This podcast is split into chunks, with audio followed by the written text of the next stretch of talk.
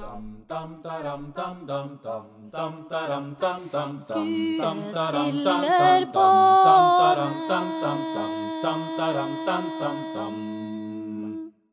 Velkommen til Skuespillerpodden. Dette er ikke podkasten for deg som vil ha backstage-sladder. Jo da. Eh, Her får gjester nerde om fagfeltet sitt. Jeg er Øystein Stene, en forfatter med umettelig nysgjerrighet på skuespill. Dessuten pedagog ved Kunsthøgskolen i Oslo. Spørsmålet i denne episoden er hva er impro? Og den som skal svare på det, det er Veslemøy Mørkri. Velkommen.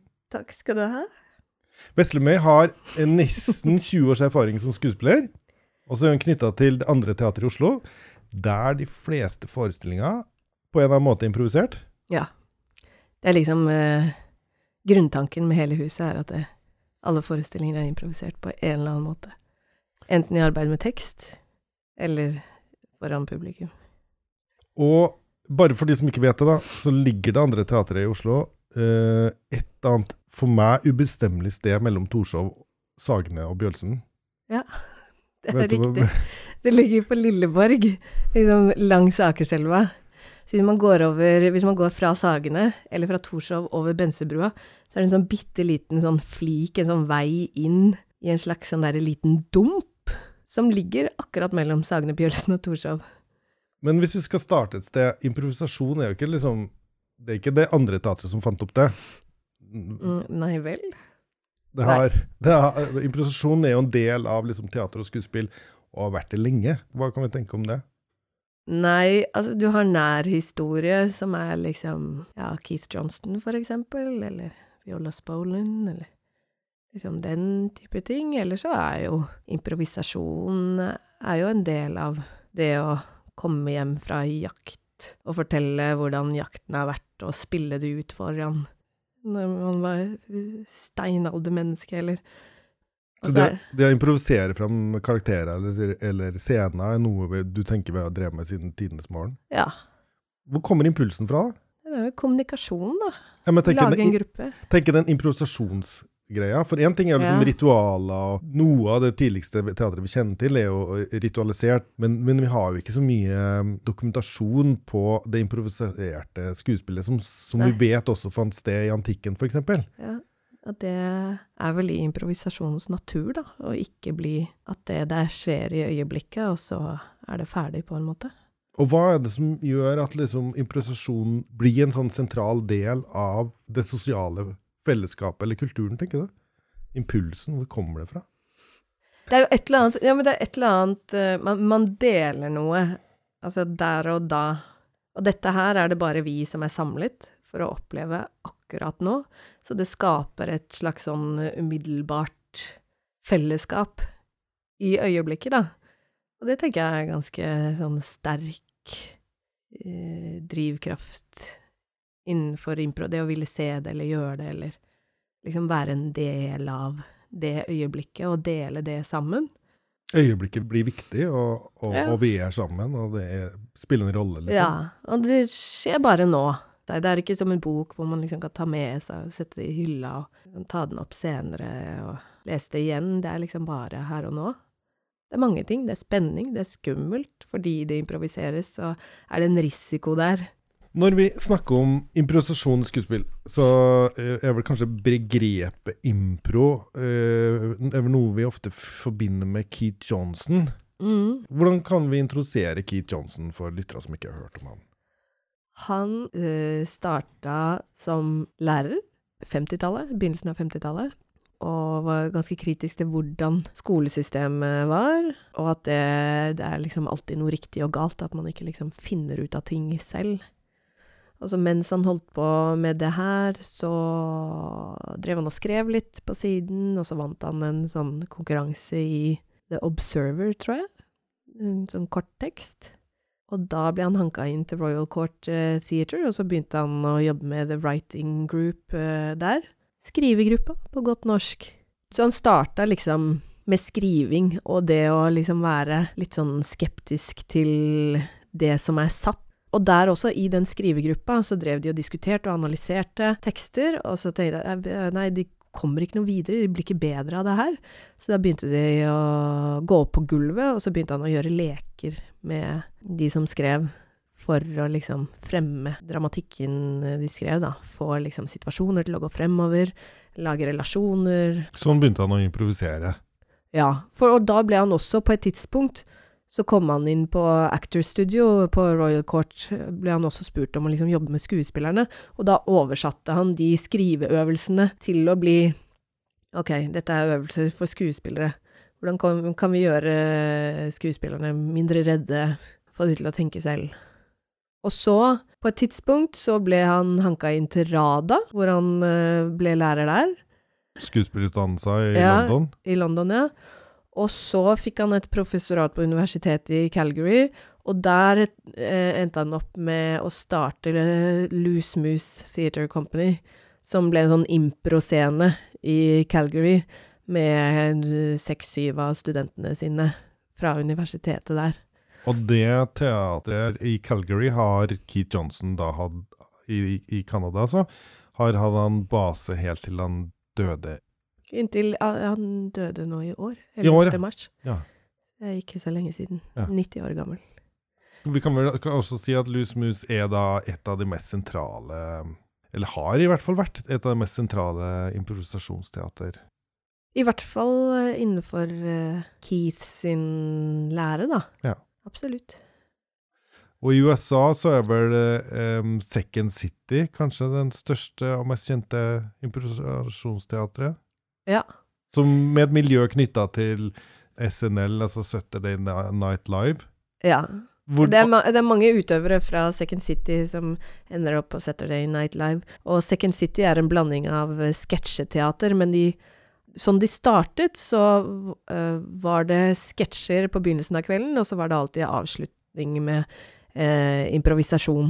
Og for de som kanskje ikke har vært på sånne type teater, eller sett det, så er det også knytta til former som Saturday Night Live og den type Ja. store. TV-improvisasjonsformater. Whose Line Is It Anyway, for eksempel, som eh, ja, fremdeles går, tror jeg. Ja. Så hva slags tenkning ligger til bunn for impro? For Kit Johnsons impro? Hva er liksom Grunnideen er Du trenger ikke å være fryktløs, men du skal bare eh, være komfortabel med å feile foran folk. Det er jo på en måte både ganske lett, men det er jo også kjempevanskelig, for man har jo ikke lyst til å eh, drite seg ut og dumme seg ut foran publikum.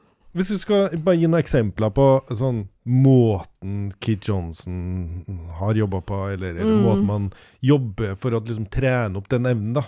Jeg syns f.eks. Ja. det der med å liksom aldri liksom si nei, da. Ja, Det er jo en interessant øvelse som det sikkert går an å gjøre på ulike måter. Kan du forklare?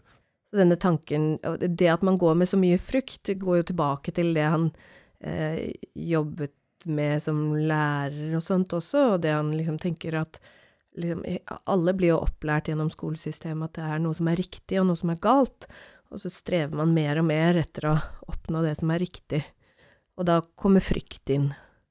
Um, og så har han laget masse leker for dette her, Blant annet, det handler litt om samspill, da, det der med å si ja.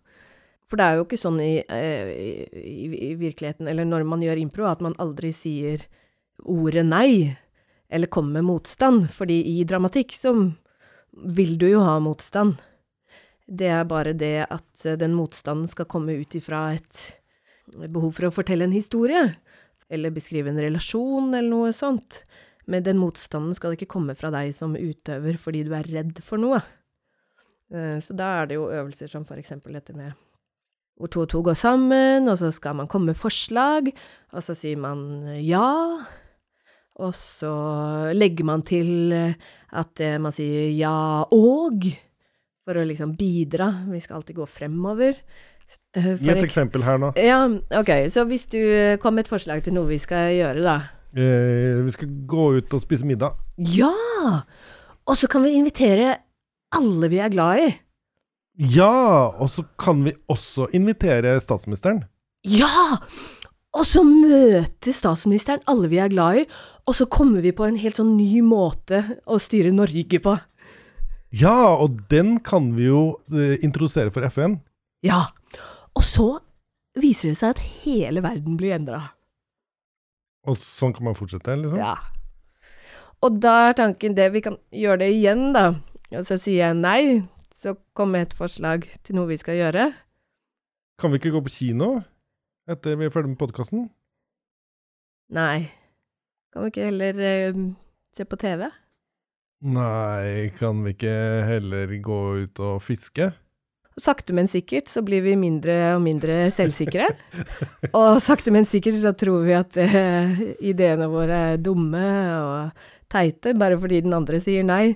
Mens i den utgaven hvor man sier ja, så blir man liksom Jeg elsker å gjøre den leken, bare fordi jeg føler at alt jeg sier er kult, liksom, fordi den andre sier ja. Og det åpner jo et rom i meg hvor jeg blir mindre og mindre redd for å feile, ikke sant, fordi den andre skal alltid si ja, og skal si ja med entusiasme, og bygge på forslaget. Da åpner det et rom i, i medspilleren som, eh, som ideelt sett da til slutt gjør at det du føler at alt er ok, liksom. Men eh, en annen ting som jeg merka meg fra et sånn forfatterperspektiv, var bare at eh, med nei-ene så fikk vi ikke noen forslag som hang sammen, rett og slett. Det gikk bare som ei egen retning, mens med ja-en så forsøkte man på en eller annen måte å liksom på en eller annen måte utvikle et narrativ, selv om det tok mange rare retninger. Ja, det er jo masse leker. Det er eh, ett og ett ord, for eksempel. Det å fortelle en historie ett og ett ord er, handler om da å slippe kontroll. For det å ville kontrollere en situasjon er jo også en måte å uh, være trygg på, Og og, ikke man kjenne ja. på frykt. Da forteller vi en historie ett og ett ord av gangen. Det Var en, gang en liten mann som elsket.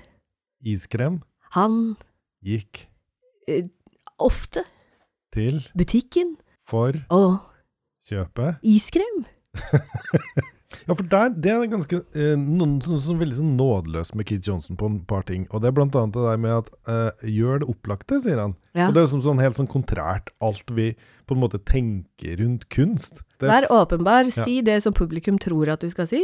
Gjør det som publikum tror at du skal gjøre. og, hva, og hva er årsaken til uh, den ideen? Eh, Det henger nok uh, sammen med frykt igjen, altså. Det der med å ikke være for smart. Og så handler det også om det å, det å være i stand til å fortelle en historie som publikum kan henge med på. Du må ha muligheten til å være med på historien og, og gjenkjenne at det er en historie, før man liksom tilter den. Men det å være åpenbar, det handler også om sånn, ikke prøv å være original. Og også som en sånn type default, så når du improviserer, så kommer det til å oppstå noe som du ikke hadde planlagt. Du kommer til å gjøre en slags feil i historien eller noe sånt. Og da skal du si ja til den feilen, ikke sant? Eller ja til det ikke opplagte som bare popper ut av deg fordi du improviserer. Du har ikke planlagt noe. Mm. Og da er det en nok originalitet. Det er en forventningssirkel som publikum har, og liksom det også både i skriving og i, i improvisasjon på scenen, at, at du holder deg innenfor forventningssirkelen. Mm. Men den kan jo utvides i det uendelige, ikke sant? Du må bare ta ett steg av gangen. Det er kanskje det også, hvis du tar for store steg, så ender du opp et sted hvor publikum ikke kan følge deg. Mm. For å forstå hvordan dette kan utspille seg i en, i en teaterforestilling, da, det å Mm. improvisere fra en forestilling, kan du, kan du gi et eksempel? Eh, ja, Dette for, dette for lyttere som ikke har vært på det andre teater. eh, som ikke har vært på det andre Ja, teatret. prøver å forestille seg en improvisert forestilling. Så en uh, typisk improvisert forestilling som vi har på det andre teatret, som er uh, inspirert av Keith Johnston, da. Det første formatet han lagde, var teatersport, som mange blander sammen med at man kaller bare impro for teatersport. Teatersport er et format, altså en forestillingsform, hvor det er delt opp i lag, og så har du et dommerpanel, og så får man eh, eh, poeng for hver scene man setter opp, av dommerpanelet eller av eh, publikum. Men det er én ting, teatersport, og det er litt sånn forsøk fra Keith Johnston sin side på å blande wrestling og teater. Og gjøre liksom teater til noe som er populært og, og gøy å gå på, da. Og så gjør vi en annen forestilling på det andre teatret, som, også, som Keith også utvikler et mer reflekterende format, hvor du har en person på scenen som du intervjuer eh, om livet. Der har navnet Life Game.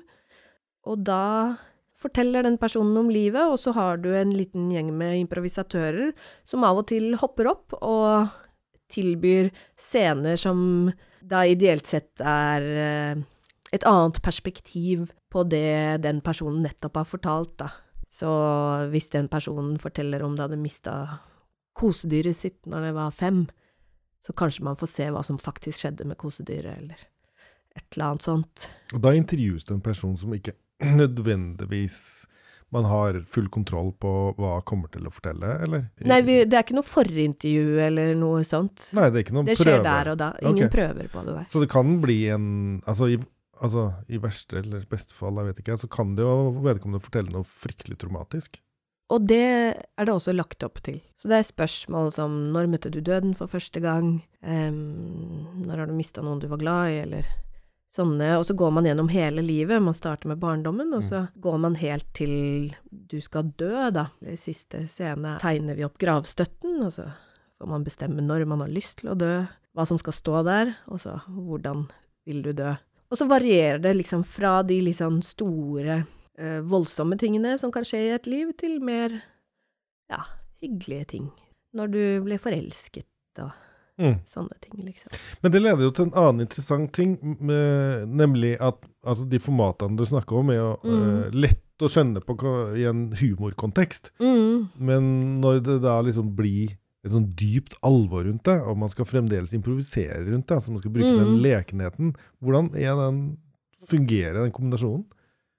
I Keith sin tradisjon så er det jo også Han er veldig opptatt av det der med å også ha med poetiske scener, eller at ikke alt skal være humor, da. Og det handler jo også om dynamikken i en eh, forestilling. Nå er det sjelden jeg har sett en teatersportforestilling hvor det folk går inn i noe dypt eh, og traumatisk eller, eh, eller poetisk. Men i Life Game, sånn som du skildrer, så så, kan er det jo jo det et Det er jo et sted vi vil Det er, det er et forsøk på å liksom leke frem det faktiske livet til noen. Og da må du ta med alle aspekter av det, da. Mm. Og det, det funker eh, overraskende bra. Det man må gjøre, er å være eh, sann og respektfull eh, som utøver, da. Det er enkelte sånne ting som har slått meg, da, som det selv tok litt tid før jeg fant ut, som Mm. faktisk kommer fra Keith Johnson, men som har liksom eh, blitt en del av mange måter å jobbe på, eller skuespillerutdannelse og sånt. For eksempel det der med status. Ja. Utg altså et utgangspunkt her som jeg synes er veldig interessant, er at han forteller selv hvordan han så en Stanislavskij-forestilling, altså Moskva kunstnerteater, som var på turné til London Ja. i hans ungdom. Dette Ja. må være fryktelig lenge siden. Ja. Dette må være 40-tallet eller sånt. Eller 50-tallet, da. Og da så han en forestilling fra Moskva kunstnerteater, og så sier han noe sånt som at eh, alle konfliktene skrudde skrudd opp på maks hele tida. I hver lille situasjon. Og så sier han noe sånt som at nei, det virker jo ikke realistisk. Ja. Det er sånn gøy at han sier at Stanislavskij ikke er realistisk, som er liksom kongen av realismen. Og så sier han ja. nei, men kanskje, kanskje Hvordan skal jeg finne konflikt på minst mulig nivå? Istedenfor maksimalt mulig nivå, sier ja. han. Og så begynner han å utvikle dette som han kaller statusøvelse. da. ja. Så kan du forklare hvordan dette med statusøvelse funker? det handler jo om bare at det, man har eh, forskjellig status, og så prøver man å Og så skifter man det. Kan du vise hvordan en sånn statusøvelse virker? Eh, hvis vi har et jobbintervju, for eksempel, det er jo en klassisk statussituasjon som alle kan kjenne seg igjen i.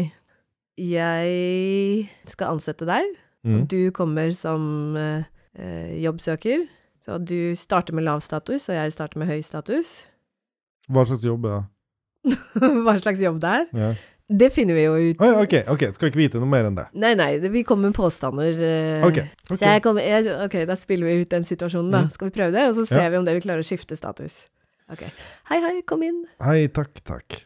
Eh, Bare eh, sett deg ned. Takk for det. Mm. Eh, jeg er for uh, den jobben. Ja. Interessert i uh, søke jobb. Du er interessert i å søke jobb, ja? Ja. Det skjønte jeg. Det, Ja, Det er derfor du er her. ja ikke sant? Ja. um, så Så du vil bli lærer. jeg vil bli lærer. Har du utdanning? Jeg har, uh, har hovedfag i litteraturvitenskap.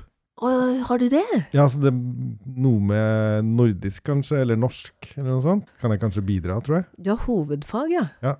Det, hva, hva slags eh, Hva slags eh, har, du, du, har du bachelor? Er det, er det master, eller er det doktorgrad du Nei, hovedfag er noe som var før bachelor ble introdusert. Er det Å ja! Så jeg har det fra 2000.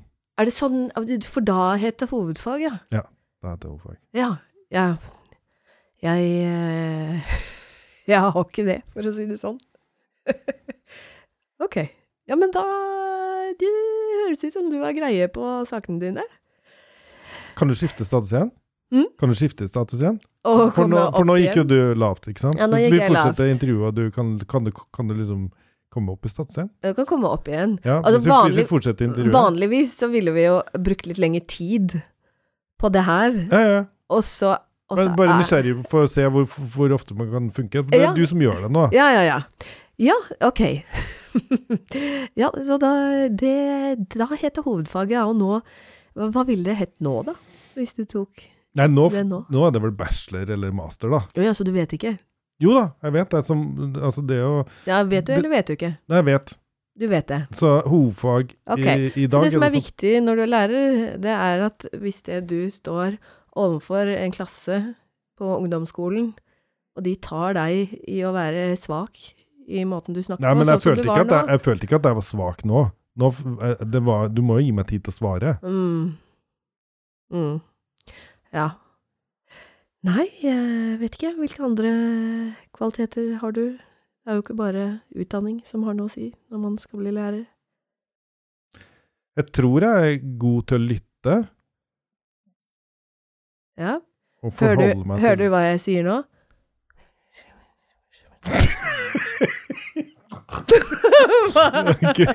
Ja, der gjorde jeg det som man, man sier er at man lager en vits på bekostning av historien. Ja, okay. Så da valgte jeg, da valgte Ja. jeg å komme med en vits istedenfor å fremme historien, på en måte. Og det kan være en utgang. Det kan også være for Ja, for jeg tenkte jeg Det er ikke liksom så mye mat igjen i denne scenen her, så hvorfor ikke bare avslutte det med en joke? Ja, for jeg prøvde jo liksom å kjempe hardt da, for å ikke gi deg det, liksom. Ja, men der må vi jo være på lag, ikke sant? Så når du skjønner at jeg er i ferd med å skifte status, Mm. så må du hive deg på og gå okay. i motsatt retning. Så du forventa at jeg Jeg forventet at du skulle være med. Ja, ikke sant? At du skulle være med på reisen. Ok, jeg ville bare være vanskelig. Ja, For ja. å se hva slags andre Og da ender vi opp med krangling, som også vi kaller for gossip, eller sladring. Og det eh, Det er ganske uinteressant i lengden, Øystein. Men, men Veslemøy, Ja. kan det ikke være interessant også at to improvisatører som jobber som sånne her, eh, som Ja. da har utvikla åpenbart en masse regler og knep for å f- Mm. drive ting framover, plutselig kanskje ikke nødvendigvis gjør som forventa, eller går ut av rutinen, på en måte? Ja, selvfølgelig. Jeg holder jo workshops på det andre teatret av og til. Eh, og da pleier jeg bare å si til de som er studenter, at det motsatte av alt jeg sier, er også sant. Alle brudd på de reglene er jo gøy, og vi driver jo og tester hverandre hele tiden. Og det er en del av leken, liksom. Det er en del av det å være til stede i øyeblikk og Når du og det andre teatret jobber med improvisasjon, så er det jo ikke nødvendigvis sånn at man går ut der og bygger en forestilling fra scratch. Man er jo på en måte enige om noen arbeidsverktøy og noen rammer. Så vi har Unnskyld, nå rapet jeg litt. Skal jeg bare snufse litt også, så har jeg gjort unna flere Kroppslyder. kroppslyder på en gang. Eh, eller skal jeg se om jeg har en liten pro... Nei. Eh, jo, vi har eh, definitivt eh, rammeverk for eh, Vi har forskjellige formater. Enten det liksom er formater vi har arva av Keith Johnston eller andre teatre rundt i verden, eller formater som vi har laga sjøl. Og så eh, utgjør de en sånn ramme som vi improviserer innenfor. Hvis jeg da skal ta Instant Broadway, da, som et eksempel.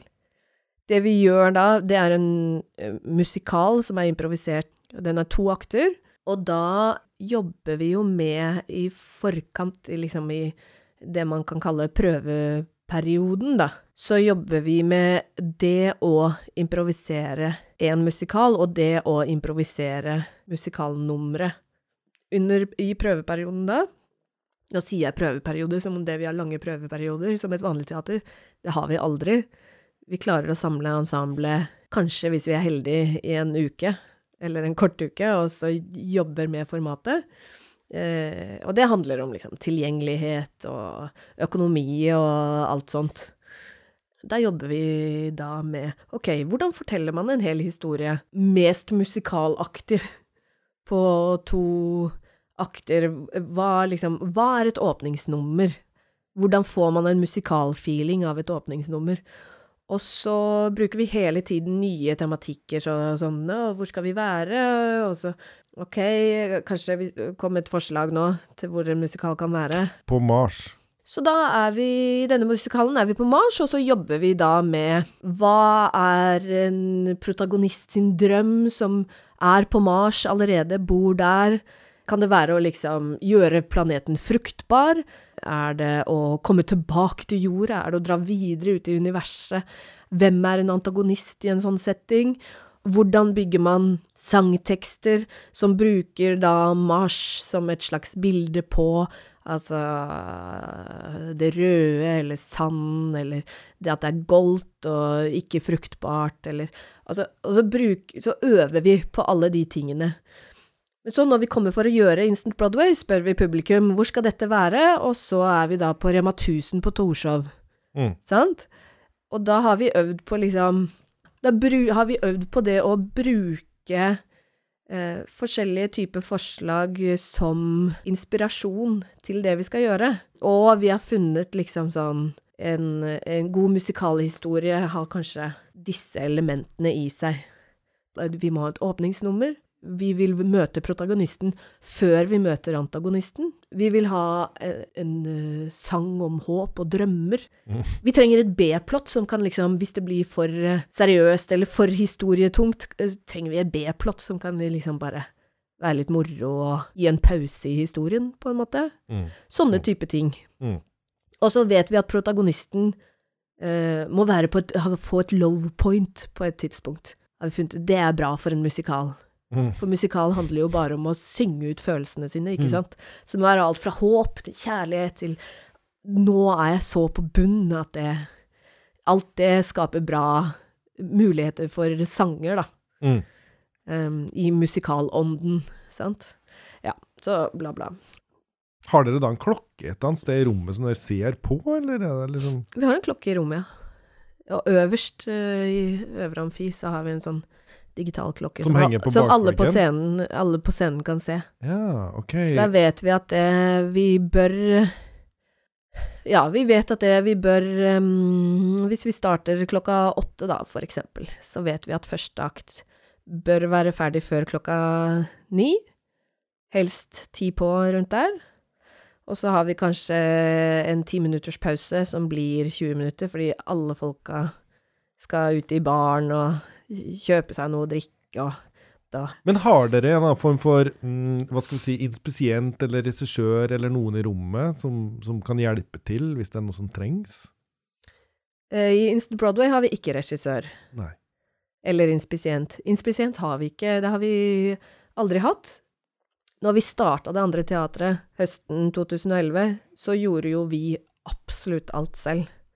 Det første vi ansatte, var økonomiansvarlig. Det var det ingen av oss som hadde lyst til å ha ansvar for. Både du og mange andre skuespillere som jobber på det andre teatret, jobber jo også i andre produksjoner. Mm. Eh, og hvordan har en improvisasjonsskuespiller det når hun plasseres på et filmsett med en veldig tydelig blokking? Du skal gå fra dit til der, og så skal du si det, og så skal du stå sånn i lyset. Det er veldig varierende. Man bruker eh, forskjellige variasjoner av impro, da. Så du kan, du, man kan fremdeles improvisere innafor det? Ja. Bare uh, rammene blir mer Det, det er mindre Ja. mulighet? ja, fordi til syvende og sist så tenker jeg at improvisasjon handler om å være til stede i øyeblikket. Det er liksom essensen, det er det viktigste. Og så si ja til det som skjer i øyeblikket. Og det å si ja betyr ikke at det man er sånn til alt. Det betyr at man sier ja til alle impulser, om de er negative eller positive eller sånn. Så sånn sett så kan jo det Det kan jo være veldig lite. Det trenger ikke å liksom utspille seg i at det Aha, jeg skjønner, det er du som er morderen. Altså at det man liksom Det utspiller seg i et stort plott eller karakter eller sånt. Det Ja. Det er en gøyal karakter, da, som eh, eh, insisterer på å improvisere på filmsettet alltid. Ja, du er, du er eh, ja, Dette her er en tragisk historie om kreftsykdommen til regissørens uh, mamma. Men du insisterer hele tiden på Aha! Det var du som gjorde det! Det var du som plasserte kreften der! Nei, vær så snill, det er ikke en sånn type film. Men jeg tipper at det er mange som er redde for at uh, improskuespillere er der. der, da. Ja. Aha! ja, finnes det et slags bilde av improskuespillere, føler jeg? I liksom blant den større teatersfæren. Ja, altså, på det andre teatret så er vi jo mange skuespillere utdanna. Fra mange forskjellige steder. Ja, fra mange Også? forskjellige steder som holder på med improvisasjon. Så det er jo skuespillere Skuespillerutdanna Altså, vi, vi, er skuespillere som holder på med improvisasjon. Og så har vi flere folk som gjør helt andre ting. Som er psykolog eller lydtekniker, men som også er improvisatør og dritmorsomme og flinke. I New York, for eksempel, er det veldig vanlig at tekstforfattere holder på med improvisasjon. For det er eh, en vei inn til The Daily Show eller Saturday Night Live eller Og da går man gjerne via tekstforfatter inn i skriverommet, og så kanskje etter hvert kommer man ut på scenen.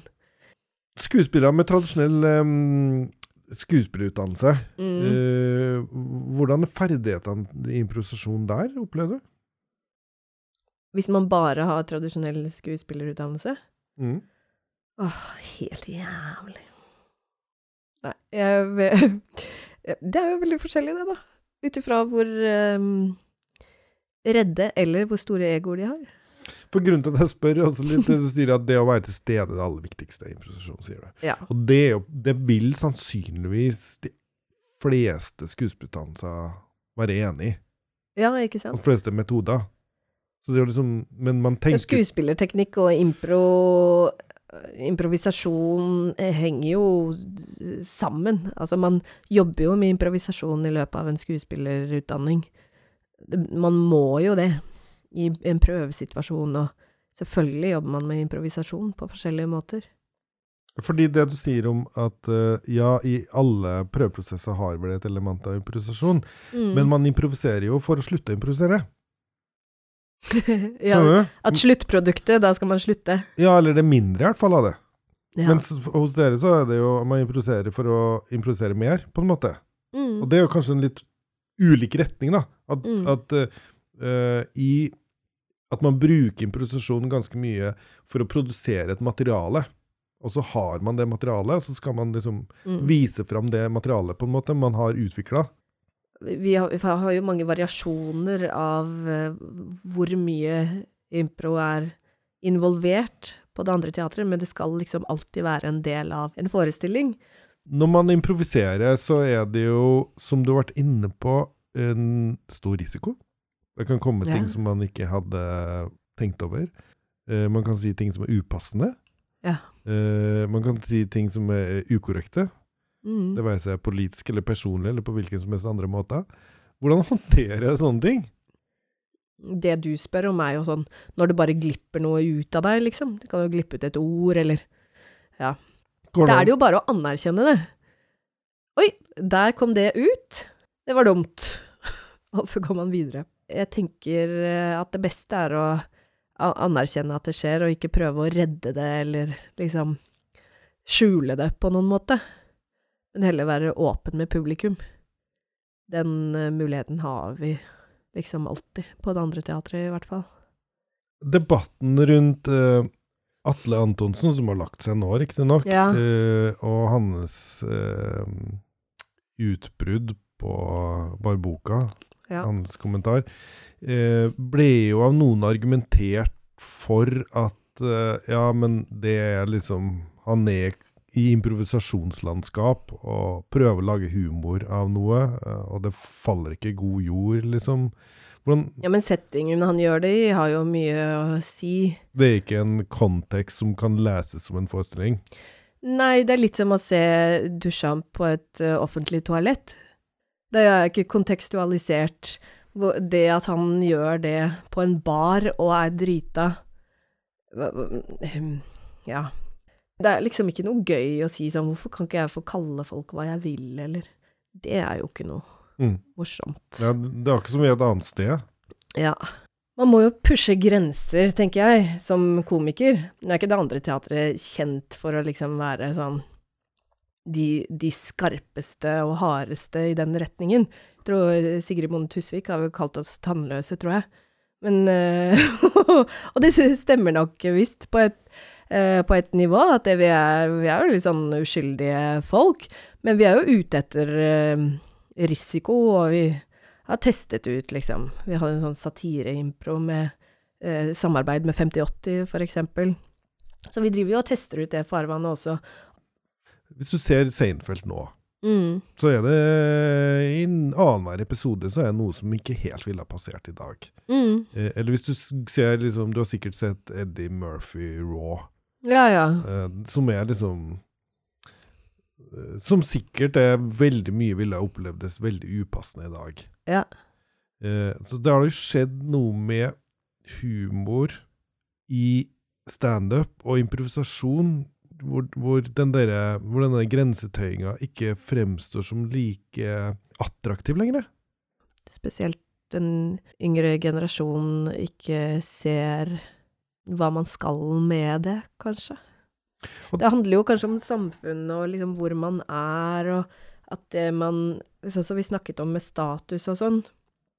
Er, er liksom statushumor like morsomt nå som før, eller er det liksom Hvilke grenser er det som trengs å pushes? Er det de samme som på 90-tallet? Eller er det noen andre grenser som man er mer interessert i nå? Altså, jeg, jeg kan jo synes at det er veldig morsomt å være upassende på mange måter. Og jeg kan le meg skakk av det. Men um, jeg vet ikke om impro liksom er det beste formatet til å teste ut å være voldsomt politisk eh, ukorrekt. Sånn tror jeg humor er. Humor må jo gjenspeile samfunnet, da. Men en ting som slår meg når jeg leser greske komedier, f.eks., Mm. det er at det er mange vitser der som jeg skjønner at jeg ikke skjønner. Men ja. en ting som slår meg som alltid Kropp. Ja. Fysikk, liksom. ja og bæsj og promp. Ja, at det, Det- fysiske er alltid gøy, liksom. Det er helt tidløst, det. Ja, en av mine favoritt sånne kortform eh, impro-oppsett er at eh, skuespillerne, eller improvisatørene, gjerne, hvis vi har liksom bra kostymer også, skal eh, improvisere en Ibsen-scene så godt og dramatisk som de klarer. Men lydimprovisatøren har masse sånn prompelyder klare. Må- Man må holde det sosiale oppe og fasaden, men på et eller annet tidspunkt må man jo bryte den, og hvem er det som er den Fisens far. skyldige, og hvem er Ja. Det kommer, jeg tror det alltid kommer til å være morsomt. Er det konklusjonen på podkasten? At promp kommer alltid til å være gøy. Ja. Hvis Atle Antonsen hadde prompa mens han holdt på med de greiene sine, og, bare, og det ble bare verre og verre, da, Da kan da er det mulig at han hadde sluppet unna. Ja.